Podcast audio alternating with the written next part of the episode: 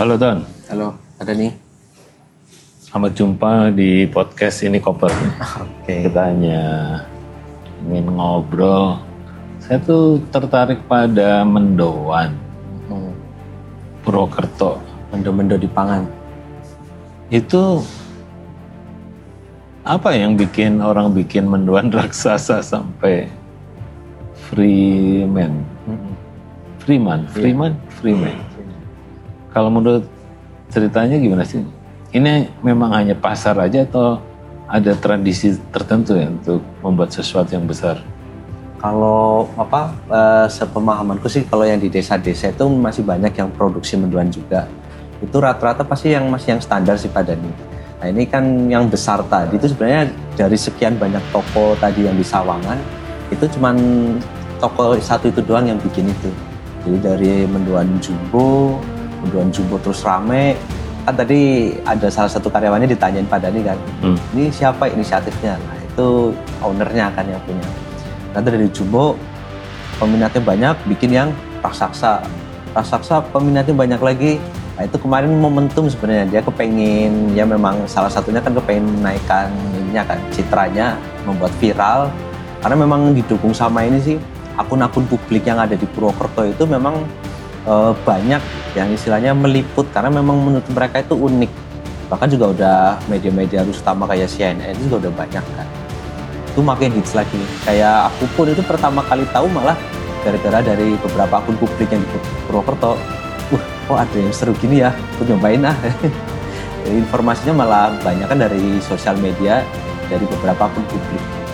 Saya sebenarnya bisa nggak ditelusuri kalau kan begini ya kalau saya lihat Purwokerto misalnya bank pertama di Indonesia itu kan lahir di Purwokerto gitu ya. Jadi ada sesuatu lah di tahun 1901 itu ya gimana Purwokerto itu menjadi apa tempat untuk launching bank pertama di Indonesia itu kan artinya kalau di belakang itu pasti ada apa-apa sebelumnya kan nggak mungkin tiba-tiba hari itu mau bikin bank terus bank berarti kan ada mungkin 5 atau 10 tahun sebelumnya terjadi sesuatu di Hmm. Purwokerto gitu nah saya pengen dapat nah, dari mengamati Purwokerto meskipun ya apa mbah ayah saya dari Purwokerto Mm-mm. dulu kan memang ada kesan orang-orang pinter tuh ada di Purwokerto gitu Oh, itu kapan nih? Iya, jadi eh, apa? Jadi misalnya beberapa pejabat dulu Hmm. di zaman-zaman Orde Baru awal Hmm. Itu rata-rata dari Purwokerto. Hmm. Jadi kan ini ada intelektual apa semacam sejarah intelektual di. Purwokerto ya atau sekitarnya lah bahwa tempat ini sebenarnya melahirkan banyak orang pandai gitu. Nah, kadang saya kalau mengamati kayak menduan raksasa itu saya kadang ya bukan soal menduannya raksasa kan ini ada pemiliknya tadi kan ingin mencari terobosan. Nah, mencari terobosan itu kan memang itu ciri ini ciri Purwokerto ya. Mm-mm. Jadi dulu kan pernah rame ini pada nih eh, nama mendoan itu mau diakuisisi. Pernah tuh rame viral. Terus eh, entah kenapa beberapa teman-teman media itu lagi-lagi ngontaknya ke aku juga kan. Mas Anton ini tahu nggak orang ini siapa? Bahkan itu jadi apa eh, beberapa tulisan di media mereka gitu. Jadi mungkin dari situ juga pemicunya yang tadinya kita tuh orang Purwokerto sendiri. Bisa jadi kan ya ya ini mendoan makanan sehari-hari makanan apa makanan khas Purwokerto. Tapi begitu ada yang mencoba mengakuisisi waktu itu benar-benar ramai pada ini sampai ada yang demo atau apa. Yang intinya sih malah sekarang orang orang Purwokerto tuh merasa lebih memiliki mendoan. Bahkan nama mendoan itu mau diakuisisi namanya aja kita tuh kompak. Satu Banyumas itu menolak itu dan akhirnya akuisisinya itu gagal. Nah dari situ mungkin akhirnya teman-teman tuh kan jadi apa namanya kayak di sepemahaman saya di beberapa desa itu ya eh, mereka itu ada benar-benar menciptakan mendoan ya banyak yang lebar-lebar cuman nggak selebar yang tadi di Sawangan sih lebar-lebar mungkin satu kotak aja gitu ya besar kayak wadah nasi sebesar itu.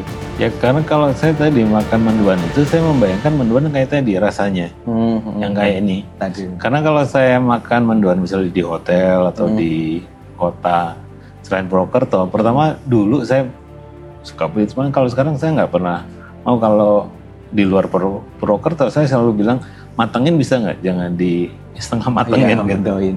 eh jangan apa jangan di lembek tuh bisa nggak agak kering gitu jadi bisa bisa bisa nah, saya selalu Maksudnya yang itu. Nah. tapi dulu ya sebelum mendoan itu masuk Jakarta Mm-mm. belum populer lah mendoan di istilah mendoan saya kalau di tukang gorengan Iya. pesan tempe goreng saya minta setengah matang dong gitu supaya jadi jadi mendoan gitu Mm-mm. itu kadang masih apa Eh, goyang-goyang itu Iya, saya udah kewer- beli kewer-kewer gitu. jadi sebenarnya ide mendoan kan bisa representasi dari kreativitas ya nah itu memang mewarnai orang Purwokerto atau gimana sih tentang kreativitas Mungkin ada kaitannya sama ini juga pada nih. Eh, aku pernah lihat konten di TED ya. TED itu kan ada sepeda itu eh, istilahnya open source. Yang namanya open source berarti itu semua orang bisa berkreasi. Makanya sepeda ada yang bentuknya kayak Harley, ada sepeda yang bentuknya MTB. Kalau misalkan dia closed source atau di- dimiliki oleh satu orang, mungkin sampai sekarang sepeda itu bentuknya monoton kan? Ya stangnya tegak eh, apa lingkarannya sama depan belakang. Nah mendoan pun sama.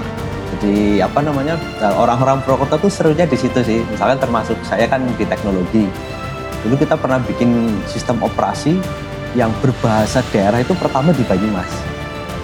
Pertama di Banyumas itu namanya kan ketuk linuk yang akhirnya berubah menjadi blank on Banyumas. Ya itu karena kita mencoba wah kayaknya ada penelitiannya kan bahasa Banyumas itu atau bahasa daerah lah di seluruh Indonesia itu kehilangan satu kata setiap harinya. Katanya ada penelitiannya seperti itu.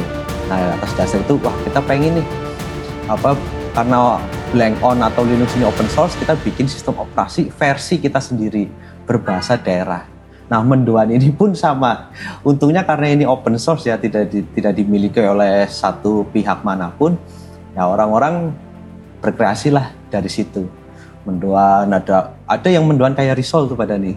Jadi di di apa di gulung-gulung jadi kayak risol terus isinya bisa ada daging ayam atau bahkan cabai. Nah, ini yang di Sawangan ini seru juga tuh. Mendoan sebesar kayak sajadah mungkin ya. ini serunya akhirnya mendoan ketika di open source kan atau lisensinya dibebaskan orang jadinya berkreasi membuat Saya lagi-lagi saya sebenarnya balik ke sejarah ya. Maksud saya kan ini tidak serta merta bahwa mendoan itu sebuah makanan ya. Mm-mm. Tapi kan ini ada hubungan dengan misalnya contohnya antara kerajaan ya ya kan di di Jogja Hmm. di apa yang tempe gorengnya mungkin ya seperti itu mungkin si orang yang jauh dari kerajaannya kan lebih be- bebas kan Hmm. pengen beda gitu loh. betul betul betul Ya kan nggak niru niru apa pusat-pusat kerajaannya gitu. betul Nah, saya tuh punya kecenderungan apa apakah sebenarnya kreativitas orang-orang Purwokerto itu basisnya ya justru karena dia di pinggiran Mm. tanpa sadar sebenarnya kayak kita harus beda dengan pusat gitu ya sehingga mencoba untuk untuk membuat dari mulai makanan gitu kan ya ada getuk ada dari batiknya sendiri kan juga beda juga kan Hmm. batiknya ada motifnya sendiri ada kita. yang seolah-olah anti anti Jogja atau Solo gitu. Maksudnya dari warna ya dari warna kemudian dari kerapatan gambar gitu yang saya tangkap sih sebenarnya.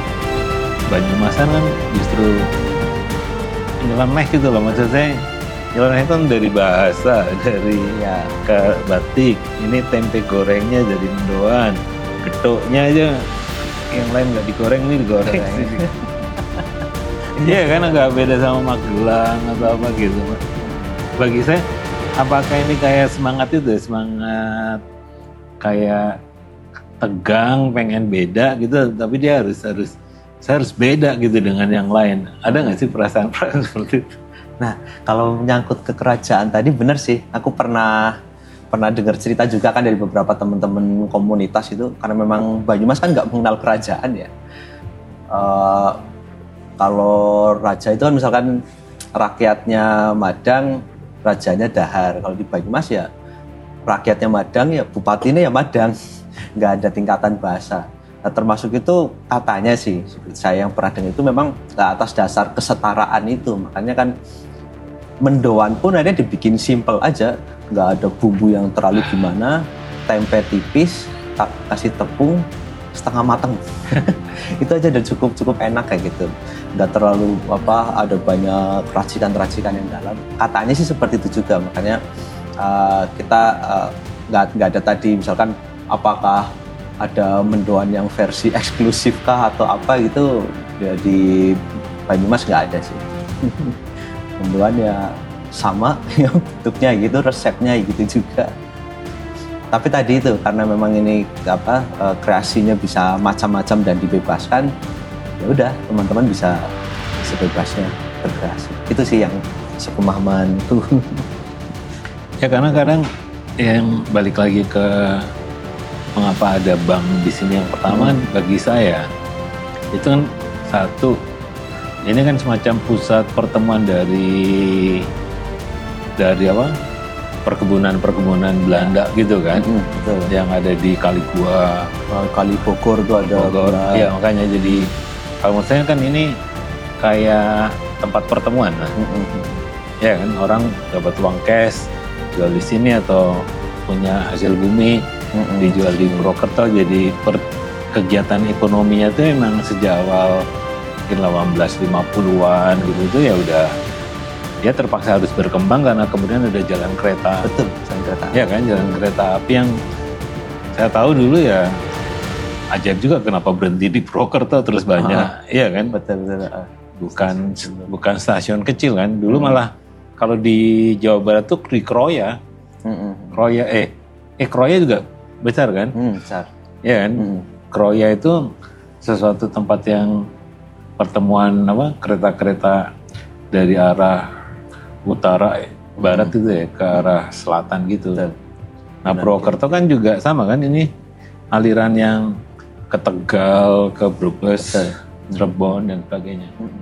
Jadi maksud saya tuh dulu itu kan pasti ada sesuatu yang apa ya karena lihat ya, kotanya ya. tuh kadang kok ada kota besar di Mm, mm. di tengah antah berantah gitu loh kalau bukan pelabuhan juga kan Iya, bukan. bukan kota pelabuhan bukan kota apa tapi ini pada nih, aku eh, Mbah Mbah Kakungku itu kan ternyata veteran dia, pejuang ini kan. Nah, dia pernah cerita kalau di Banyumas ini tuh malah kayak salah satu pemasok apa ya supporting system dari yang misalkan berperang-perang di berbagai kabupaten besar ya di Indonesia.